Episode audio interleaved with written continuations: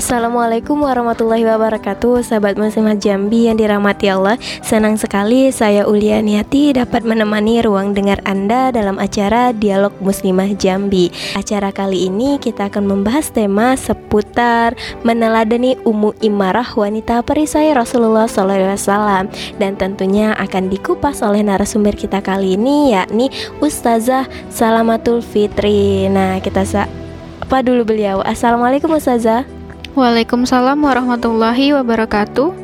Bagaimana kabarnya Ustazah? Uh, Alhamdulillah luar biasa Allahu Akbar. Bagaimana kabar Ananda Uli? Alhamdulillah Ustazah luar biasa Allahu Akbar. Masya Allah. Nah, Ustazah, uh, mengenai tema kita kali ini, Ustazah meneladani Ummu Imarah. Nah, sebenarnya siapa sih Ustazah uh, Ummu Imarah ini sebenarnya Ustazah? Hmm. Uh, saya buka dulu ya, Nanda Uli. Uh, Assalamualaikum warahmatullahi wabarakatuh. Waalaikumsalam warahmatullahi wabarakatuh. Alhamdulillahirabbil alamin. Hari ini kami kembali menyapa sahabat muslimah Jambi di rumah dengan tema yang sangat sangat menarik ya, Dek, yang kita bahas. Mm -hmm.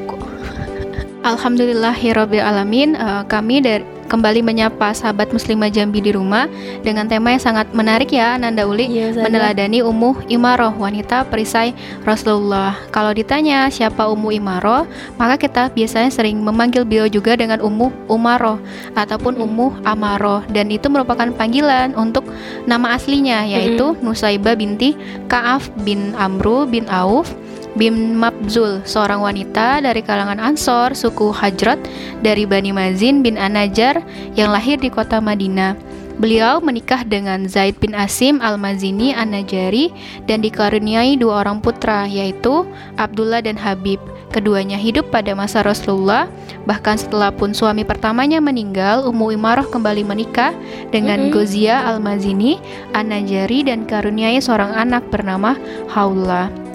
Ummu Imaroh pun sudah uh, memeluk Islam dan juga menjadi telata dan akhlak bagi kaum muslim hari ini. Hmm. Uh, beliau memiliki iman yang telah memenuhi hatinya, bahkan ia mempersembahkan diri, suami dan anak-anaknya untuk meninggikan kalimat dan kebenaran uh, Allah Subhanahu wa taala guna menyebarkan agama Islam dan juga berjuang di jalan Allah selagi beliau mampu. Hmm. Bahkan secara keseluruhan keluarga dan anak-anaknya itu mempunyai peran yang penting dalam perjuangan Islam.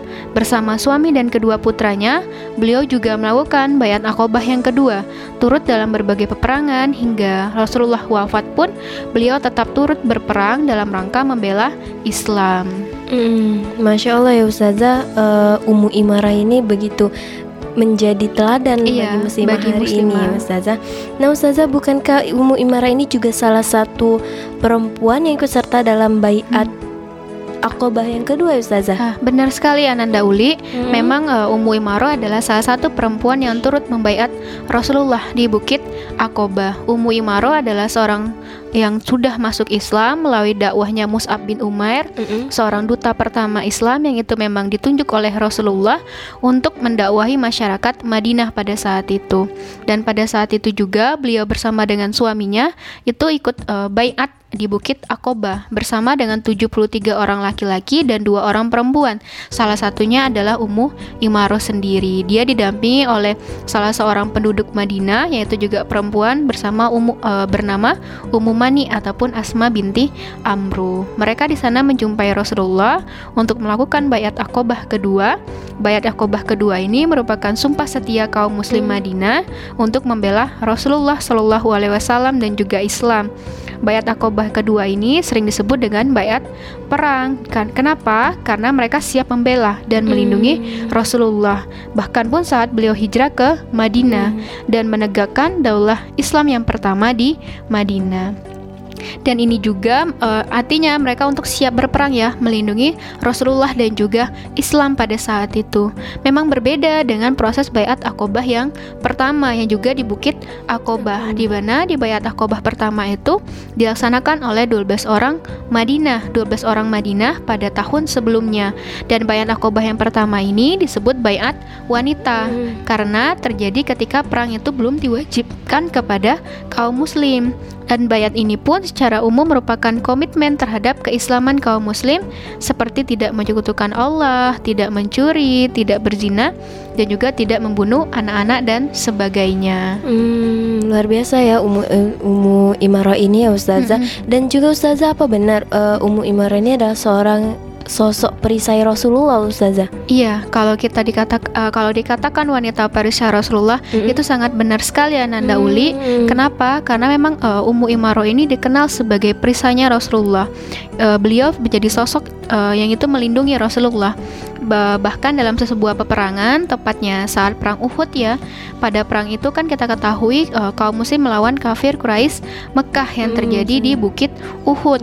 Pada perang tersebut Nusaibah binti Ka'ab ataupun Ummu Imaro ini ikut serta mengemban tugas penting di bidang logistik dan juga medis bagi para mujahid. Awalnya memang pasukan muslim ini mengalami kemenangan iya, tetapi Musuh-musuh pun banyak yang terbunuh dan bahkan sebagian lari meninggalkan medan perang. Namun, ketika kaum muslim melanggar perintah Rasul di sana, apalagi bagi para pasukan pemanah untuk tidak meninggalkan bukit, situasi menjadi kacau. Mereka justru turun dari bukit untuk memungut harta rampasan perang dan di situasi inilah justru dimanfaatkan oleh kafir Quraisy pada saat itu untuk kembali dan memukul mundur kekuatan kaum muslimin. Bahkan Rasulullah pun menjadi incaran mereka. Beliau dalam kondisi terancam, bahkan beliau pun sempat terkena lemparan batu dari Utbah bin Abi Waqqas hingga akhirnya Rasulullah terjatuh dalam keadaan miring. Batu itu juga mengenai gigi depan beliau, melukai wajah dan juga bibir beliau. Musuh yang lain pun sempat melukai bagian atas pipi yang menonjol hingga rantai besi perisai masuk ke bagian atas pipi beliau. Beberapa orang yang melindungi Rasul pun akhirnya gugur dan Rasul pun kita ketahui setelah perang Uhud ini mendapat banyak luka ya. Bahkan beberapa gigi de uh, depan beliau itu uh, ront apa ya rontok ya karena memang akibat uh, pukulan dari musuh pada saat itu. Dan melihat kondisi ini, Ummu Imaroh memang pada saat itu ikut berperang kan. Dia maju bersama beberapa orang di sana, termasuk kedua putranya, dan juga bergegas untuk melindungi Rasulullah. Dengan pedang yang ia bawa, ia melindungi dirinya dari sabetan senjata musuh dan lemparan panah hingga terluka. Jadi memang Ummu Imaroh ini ibarat membuat pagar ya dek bersama bersama anak dan juga anaknya dan juga Mus'ab di sana untuk melindungi Rasulullah. Bahkan dia memang sengaja membawa pedang untuk melindungi dirinya dan juga Rasulullah di sana. Hmm, Hingga datang seseorang yang bernama Ibnu Komiah di sana hmm. menanyakan di mana Rasulullah, Ummu Imaro, Mus'ab bin Umar dan beberapa orang orang lainnya maju menghadangnya. Hingga Ibnu Komiah ini memuka, memukul pundaknya Ummu Imaro hmm. hingga menyisakan luka yang menganga. Bahkan dalam sejarah diceritakan bahwa luka di pundaknya Ummu Ummu Imaroh baru kering setelah satu tahun. Dan begitulah kita lihat kan heroiknya perjuangan beliau mm-hmm. dalam melindungi Rasulullah Shallallahu Alaihi Wasallam dari gempuran musuh pada saat perang Uhud. Mm-hmm. Makanya memang beliau dikenal sebagai wanita perisainya Rasulullah Shallallahu Alaihi Wasallam. Mm-hmm. Masya Allah ya Ustazah begitu luar biasa perjuangan Ummu Imarah ini ya Ustazah dan sosok perempuan yang tangguh dan mendedikasi dirinya untuk pejuang Islam. Hmm. Nah ini Ustazah bisa dilakukan oleh Ummu Imara ini Ustaz. Iya, Ananda Uli karena tadi kita ketahui ya memang di awal uh, Ummu Imaro ini mengatakan menyatakan sumpah setiahnya kepada Rasulullah di Bukit Aqobah dengan setelah itu pun akhirnya dia buktikan dengan turut serta dalam berbagai peperangan seperti perang Khaybar yang dilanjutkan de uh, dengan melakukan umroh Qadiyah pada tahun ke-7 Hijriah hingga akhirnya kaum muslim akhirnya uh, berhasil kan uh, menaklukkan kota Mekah pada saat itu. Beliau juga turut serta dalam rombongan pasukan kaum muslim di perang Hunain pada tahun ke-8 Hijriah yang kita ketahui juga pada saat itu ketika kaum muslim sudah tiba di lembah Hunain mereka dikejutkan dengan hujan anak panah dari atas bukit. Mm. Pasukan kaum muslim pun kita tahu ya itu lari tunggang langgang mm. hingga melupakan Rasulullah ditinggal bersama beberapa orang saja. Ummu Imaro pun termasuk salah seorang di antara yang tetap tegar di samping Rasulullah. Bahkan pun pun ia berhasil membunuh seorang musuh tentara berkuda. Sumpah setia untuk melindungi Rasul pun ia buktikan hingga pasca Rasulullah wafat. Beliau turut andil dalam peperangan melawan orang-orang murtad pada masa pemerintahan Khalifah Abu Bakar Ash-Shiddiq. Dan kita ketahui juga bagaimana latar belakangnya ya uh, terjadinya perang Yamamah di mana perang Yamamah itu adalah perang yang uh, dilakukan pada masa Abu Bakar itu untuk uh, memerangi orang-orang yang keluar dari agama Islam. Memang tidak lepas dari kejadian uh, terbunuhnya Habib bin Zaid yang kita ketahui itu itu adalah sebagai putranya Ummu Imaro ini. Habib ditangkap oleh Musailama al-Hanafi yang mengaku dirinya nabi di mana Musailama al-Hanafi atau yang lebih kita kenal Musailama al-Kazab ini adalah si pendusta kan. Dia hmm. bertanya kepada Habib yang pada saat itu memang menjadi uh, membawa amanah kan dari Khalifah Abu Bakar untuk meminta si Musailama ini bertobat hmm. dan segera uh, men, apa ibaratnya itu mengakui dosa-dosanya karena telah berdusta dan juga mengakui sosoknya sebagai seorang nabi pengganti hmm. dari Nabi Muhammad Shallallahu Alaihi Wasallam. Dia bertanya kepada Habib, apakah engkau bersaksi bahwa Muhammad utusan Allah? Habib bin Zaid pun menjawab, iya betul. Musailama bertanya lagi, apakah engkau bersaksi bahwa aku utusan Allah? Habib pun menjawab, aku tidak mendengar. Setelah itu, Musailama al-Kazab memotong-motong tubuh Habib hingga meninggal dunia. Bahkan berita kematian Habib bin Zaid pun sampai ke telinga Ummu Imaroh hingga ia berdoa kepada Allah agar ia bisa melihat kematian Musai lama atau ia minta mati syahid saat memerangi Musai lama dan akhirnya pun uh, karena kejadian demikian si Ummu Imaro tadi turut per, turut serta nih dalam perangnya Yamamah yang itu dipimpin oleh Khalid bin Walid untuk memerangi orang-orang yang keluar dari agama Islam. Karena utama yang dimiliki oleh oleh Ummu Imaro dan keluarganya, akhirnya Khalifah Abu Bakar mengizinkannya untuk ikut berperang. Dalam perang Yamamah, Ummu Imaroh memberikan kesaksian atas uh, dirinya, tangisanku terpotong pada hari perang Yamama. Padahal aku sangat berkeinginan keras untuk membunuh Musai lama dan tidak ada yang dapat melarangku hingga aku melihat orang jahat itu mati terkapar dan tiba-tiba aku melihat anakku Abdullah bin Zaid mengusap pedang. Dengan pakaiannya aku bertanya, kepadanya, "Engkaukah yang membunuh Musailama?" Ia menjawab, "Benar, aku yang membunuhnya." Kemudian aku bersujud syukur kepada Allah karena kematian anakku Habib telah terbalas. Demikianlah Ummu Imaro saking senangnya tidak menghiraukan belasan luka dan satu tangannya putus di perang ini. Masya Allah ya Ananda Uli kita iya, bisa lihat bagaimana begitu luar biasanya perjuangan Ummu Imaro dengan menepati janjinya kepada Rasulullah uh, dia bukan hanya melindungi Rasulullah, mm-hmm. tapi dia, dia juga menjadi wanita yang itu menjadi ibarat terdepan kan, mm-hmm. uh, ikut dalam berbagai perangan yang dihadapi oleh kaum muslim pada mm-hmm. saat itu. Bahkan pun di, beliau tidak sedih ataupun kecewa ketika anaknya sendiri yang pada saat itu sebagai penyampai pesan kan dari khalifah itu mati terbunuh di tangan Musailama al-Kazab. Al Hmm, Masya Allah Ustazah begitu banyak yang diikuti perang yang diikuti oleh Ummu Imara ya Ustazah. Iya. Nah Ustazah uh, mungkin juga Nah, sahabat muslimah Jambi, uh, semakin menarik ya perbincangan kita sama uh, Ustazah Fitri. Namun kita harus break sejenak dengan mendengarkan nasid yang berikut ini.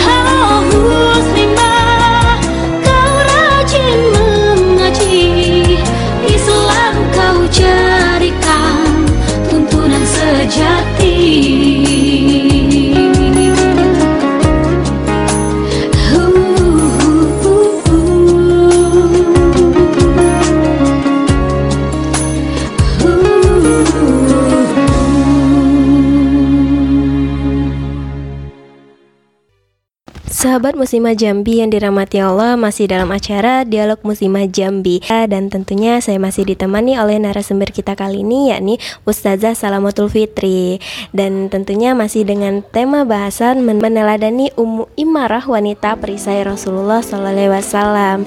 Nah tadi kita sudah ngebahas ya sama Ustazah Fitri mengenai perang yang dilakukan oleh Ummu Imara sungguh luar biasa. Ummu Imara ini mengikuti mengikuti banyak uh, perang yang diikuti sehingga dia melakukan perjuangan untuk Islam itu sungguh luar biasa. Nah, kita lanjut saja pembincangan kita sama Ustazah Fitri. Nah, Ustazah uh, dari kisah Ummu Imarah ya Ustazah, menurut Ustazah uh, apa nih Ustazah teladan yang bisa kita ambil dan menjadi pelajaran bagi kita semua Ustazah? Hmm. Uh, ya, Ananda Uli, memang kalau kita menanyakan banyak ya teladan yang bisa kita ambil dari kehidupan Ummu Imaroh. Mm-hmm. Di antaranya yang pertama kehanipannya dalam menerima Islam, di mana saat suaminya Zaid bin Asim itu menerima Islam yang didawakan oleh Mus'ab bin Umair, Zaid menceritakan tentang seorang rasul yang diutus dari karangan Quraisy dan menyuruh kepada manusia untuk beriman kepada Allah Subhanahu wa taala. Dakwah sang rasul yang begitu tegar dan berani meski mendapat tantangan yang luar biasa pun disampaikan Zaid dengan penuh keyakinan. Ia pun menceritakan betapa yang disampaikan Mus'ab bin Umair telah membuat dirinya takjub hingga mengimani ajaran Rasulullah Shallallahu Alaihi Wasallam. Saat itulah hati Ummu Imaroh bergetar. Ia tak dapat menyembunyikan bisikan hati kecilnya untuk turut mengimani apa yang dibawa Rasul. Tak ada alasan untuk dia menolak dan tak ada keberatan untuk meninggalkan agama lamanya.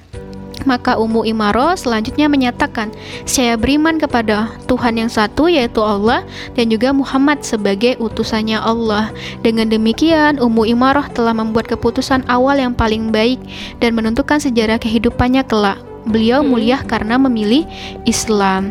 Itulah teladan dari Ummu Imaroh. Hmm. Beliau rela mengubur kesombongan yang biasanya ada pada manusia tatkala diseru untuk meninggalkan keyakinan lamanya. Kondisi seperti ini tentu jarang ya kita jumpai saat ini. Bahkan tak sedikit dijumpai muslim yang tidak rela meninggalkan keyakinan yang bertentangan dengan akidah Islam. Mereka bersyahadat, namun masih mengemban sekulerisme, pluralisme, bahkan liberalisme dan itu terjadi karena memang mereka tidak mau menanggalkan kesombongan dirinya, hmm. merasa memiliki kehidupan ataupun hmm. merasa mampu membuat aturan yang adil untuk manusia. Padahal semua itu hanya omong kosong. Tidakkah Ummu Imaroh telah memberikan kita pelajaran? Itu yang pertama. Yang kedua, keteguhan Ummu Imarah dalam memegang janji setianya dalam melindungi Rasulullah dan juga Islam.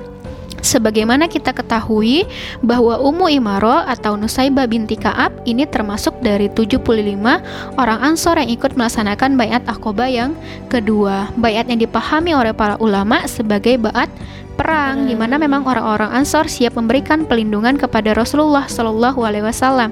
Sebagaimana mereka melindungi anak dan istri mereka dalam arti bahwa orang-orang Ansor ini siap berperang dengan siapa pun demi melindungi Rasulullah. Dan keteguhan itu tampak kan dari terjunnya Ummu Imarah di berbagai peperangan besar. Sekalipun seorang perempuan di dalam Islam kita ketahui tidak diwajibkan untuk berperang sebagaimana halnya diwajibkan pada laki-laki. Namun Ummu Imarah Umaro dalam cekatan turut terjun ke medan perang untuk melindungi Rasulullah sekalipun nyawa menjadi taruhannya. Dan sejarah pun mencatat bagaimana Ummu Imaroh harus menerima belasan luka pada tubuhnya. Mm-hmm. Bahkan di perang Uhud pun beliau mengalami luka yang sangat serius hingga darahnya itu terus mengalir dan lukanya baru kering setahun kemudian. Mm. Dan luar biasanya Ummu Imaroh ini Ananda Uli saat perang Uhud selesai kemudian diseru agar kaum muslimin menuju peperangan di Hamraul Asad, beliau tidak sedikit pun merasa terhalangi dengan luka di pundaknya itu. Beliau mengikat lukanya dengan bajunya sekalipun dengan cara itu tidak mampu menghentikan cucuran darahnya. Ya, ya. Ia mengajarkan kepada kita bahwa luka fisik yang dialami di perang Uhud sama sekali tidak melemahkan semangat juangnya karena kekuatan yang dimilikinya bersumber dari keimanannya yang kokoh. Tentu hal seperti inilah yang harus dimiliki oleh para muslimah khususnya kaum muslim pada umumnya. Hmm. Itu yang kedua. Yang ketiga ya kita lihat bagaimana kekompakan keluarga Ummu Imaroh hmm. dalam berbagai peristiwa-peristiwa yang terjadi. Dan ini menunjukkan bagaimana peran Ummu Imaroh dalam keluarganya, baik dalam kapasitasnya sebagai seorang istri ataupun sebagai seorang ibu. Dalam kapasitas sebagai istri, kita lihat bagaimana beliau menjadi pendamping dan juga teman perjuangan bagi suami yang pertama. Saat suami istri menyatakan bayat di bayat eh, di Bukit Akoba mm dan bersungguh-sungguh dalam membantu dakwahnya Rasulullah. Bahkan setelah suami pertama beliau wafat pun, beliau bersama dengan suami keduanya turut terlibat dalam perang Uhud, perjanjian Hudaybiyah, perang Khoibar, perang Hunai dan perang Yamamah. Dan kekompakan keluarga Ummu Imaroh dalam melindungi Rasulullah ini juga menjadikan Rasulullah berdoa agar Ummu Imaroh dan anak-anaknya menjadi temannya di surga. Haris bin Abdullah berkata, "Aku mendengar Abdullah bin Zaid bin Asim berkata, Aku ikut dalam perang Uhud ketika mereka cerai-berai meninggalkan Rasulullah. Aku dan ibuku mendekat kepada Rasul untuk melindungi beliau dari serangan musuh. Lalu beliau bersabda, "Lihatlah ibumu, balutlah lukamu. Ya Allah, jadikanlah mereka teman-temanku di surga." Mendengar doa yang disampaikan Rasulullah, Ummu Imaroh pun berkata, "Aku tidak menghiraukan lagi apa yang menimpaku dari urusan dunia ini. Kalimat seperti ini tentu tak akan keluar dari mulut manusia yang lebih mencintai dunia. dunia Dan iya. itulah teladan yang bisa kita ambil bagi kehidupan kita hari ini sebagai uh, seorang muslimah. Masya Allah ya Ustazah, luar biasa uh, pelajaran banyak yang bisa kita ambil dari uh, Ummu Imarah ini. Pertama bisa kita mengambil dari kehanifan dan menerimanya Islam. Sudah itu juga bisa dari keteguhan Ummu Imarah dalam memegang janjinya kepada Rasulullah. Iya. Dan bahkan uh, serta kekeluargaannya Keko, iya, ya Ustazah. kekompakan dari keluarganya ya yang sama-sama hmm. berjuang. Hmm, yang sama berjuang untuk memperjuangkan Islam iya, ya Islam itu sendiri. Nah Ustazah terakhir nih Ustazah. Mungkin uh, ada us ada us mungkin ada pesan nih Ustazah untuk muslimah sebagai calon ibu tentunya dan juga uh, dan ibu tentunya yang setelah mendengar kisah keteladan Ummu Imarah ini Ustazah. Silakan Iya, Ananda Uli, mungkin kalau kita lihat kan dari kisahnya Um Iya, Ananda Uli, mungkin kita lihat kan dari kisahnya Ummu Imaro ini sudah menjadi bukti ya bahwa beliau adalah orang yang telah menjual apa yang dimilikinya di dunia dengan surga. Inilah bentuk pengorbanan yang paling tinggi dari seorang manusia untuk robnya semata. Mm-hmm. Namun bagaimana dengan kebanyakan muslimah kini? Bahkan kita lihat kan kenikmatan dunia itu telah melalaikan banyak visi dan misinya yang harus dimiliki oleh muslimah. Jangankan terluka oleh goresan pedang dan anak panah, Sebagaimana Ummu Imaroh, kebanyakan perempuan kini malah berlomba-lomba mempercantik diri, memoles diri, dan memuluskan tubuhnya. Bahkan tak sedikit yang harus operasi plastik. Tidakkah kita malu mengapa masih saja tertipu oleh silaunya dunia? dunia. Iya, Bahkan pun kita lihat kan bagaimana Ummu Imaroh juga layak menjadi ibu teladan. Beliau telah mampu mengantarkan putra putrinya sebagai generasi pembela Islam. Tak sedikit pun muncul keraguan dalam hatinya untuk melepas kedua putranya, Habib dan Abdullah di setiap medan pertempuran dan tugas dakwah lainnya. Keteguhan kedua putranya pun dalam mengemban amanah dakwah Islam cukup menjadi bukti bahwa mereka hidup dalam suasana pembinaan ruhiyah yang baik di dalam keluarga yang tentu tak lepas dari pengaruh Ummu Imaroh sebagai hmm. sang ibu. Saat perang Badar, kita lihat bagaimana anaknya Abdullah dengan gagah berani ikut berjuang menegakkan panji-panji Islam sehingga Islam memperoleh kemenangan. Atau adapun kiprah uh, putranya yang lain, Habib bin Zaid, nampak saat ia memegang amanah sebagai utusan Khalifah Abu Bakar untuk menyampaikan surat kepada Musailamah Al-Kazab. Ummu Imaroh pun mendorong agar anaknya mampu mengemban amanah tersebut dengan baik. Hmm. Namun rupanya Habib harus syahid tatkala membela Islam di hadapan kekupuran tersebut. Mendengar kematian anaknya, Ummu Imaro bukannya kecewa, bukannya dia bersedih, bahkan ia menerimanya dengan penuh keyakinan bahwa putranya mendapatkan kedudukan tinggi di sisi Allah Subhanahu wa taala. Ia menerima berita kematian itu dengan penuh kemuliaan serta kebanggaan karena telah mempersembahkan yang terbaik untuk Islam dan juga kaum muslim. Pengorbanan hakiki seorang ibu terhadap anak semestinya, semestinya menjadi uh, sepertinya kalau kita lihat hari ini kan menjadi barang langka ya uh, dan itu uh, kita lihat bagaimana memang hari ini orang tua belum menjadikan anaknya itu sebagai aset terbaik dia demi menggapai surganya Allah. Seharusnya keteladanan Ummu Imaroh dalam mengarahkan buah hatinya menjadi inspirasi bagi setiap ibu untuk mencetak generasi yang siap mengemban tanggung jawab masa depan Islam dan juga kaum muslim. Sungguh luar biasa ya Ustazah pesannya yang untuk calon ibu iya. di rumah sebagai mencetak uh, mencetak generasi, generasi yang baik, yang baik untuk pejuang Islam tentunya iya. Ustazah. Nah Ustazah mengingat waktu karena sudah di punjung acara uh, Perbincangan kita cukup sampai di sini Ustazah. Dan terima kasih kepada Ustazah sudah menemani berbincang-bincang untuk kita kali ini. Iya sama-sama Ananda Uli. Mm -mm, Telah berbagi sakofah tentunya kepada kita semua. Uh, Dan tentunya terima kasih kepada radio ke, ke radio Yang telah memberikan ruang untuk kita berbincang-bincang. Uh, Akhirnya saya Ulianiati selaku host pamit undur diri dan apa pun yang kita dapatkan hari ini semoga memberikan manfaat dan tentunya dapat kita ambil pelajaran dari Ummu Imarah ini dan tentunya jangan lupa sampaikan kepada orang di sekitar kita agar Islam hakiki, Islam sempurna menyeluruh ke ke seluruh sehingga menjadi Islam rahmatan lil alamin. Akhir kalam wabillahi taufiq walhidayah. Wassalamualaikum warahmatullahi wabarakatuh.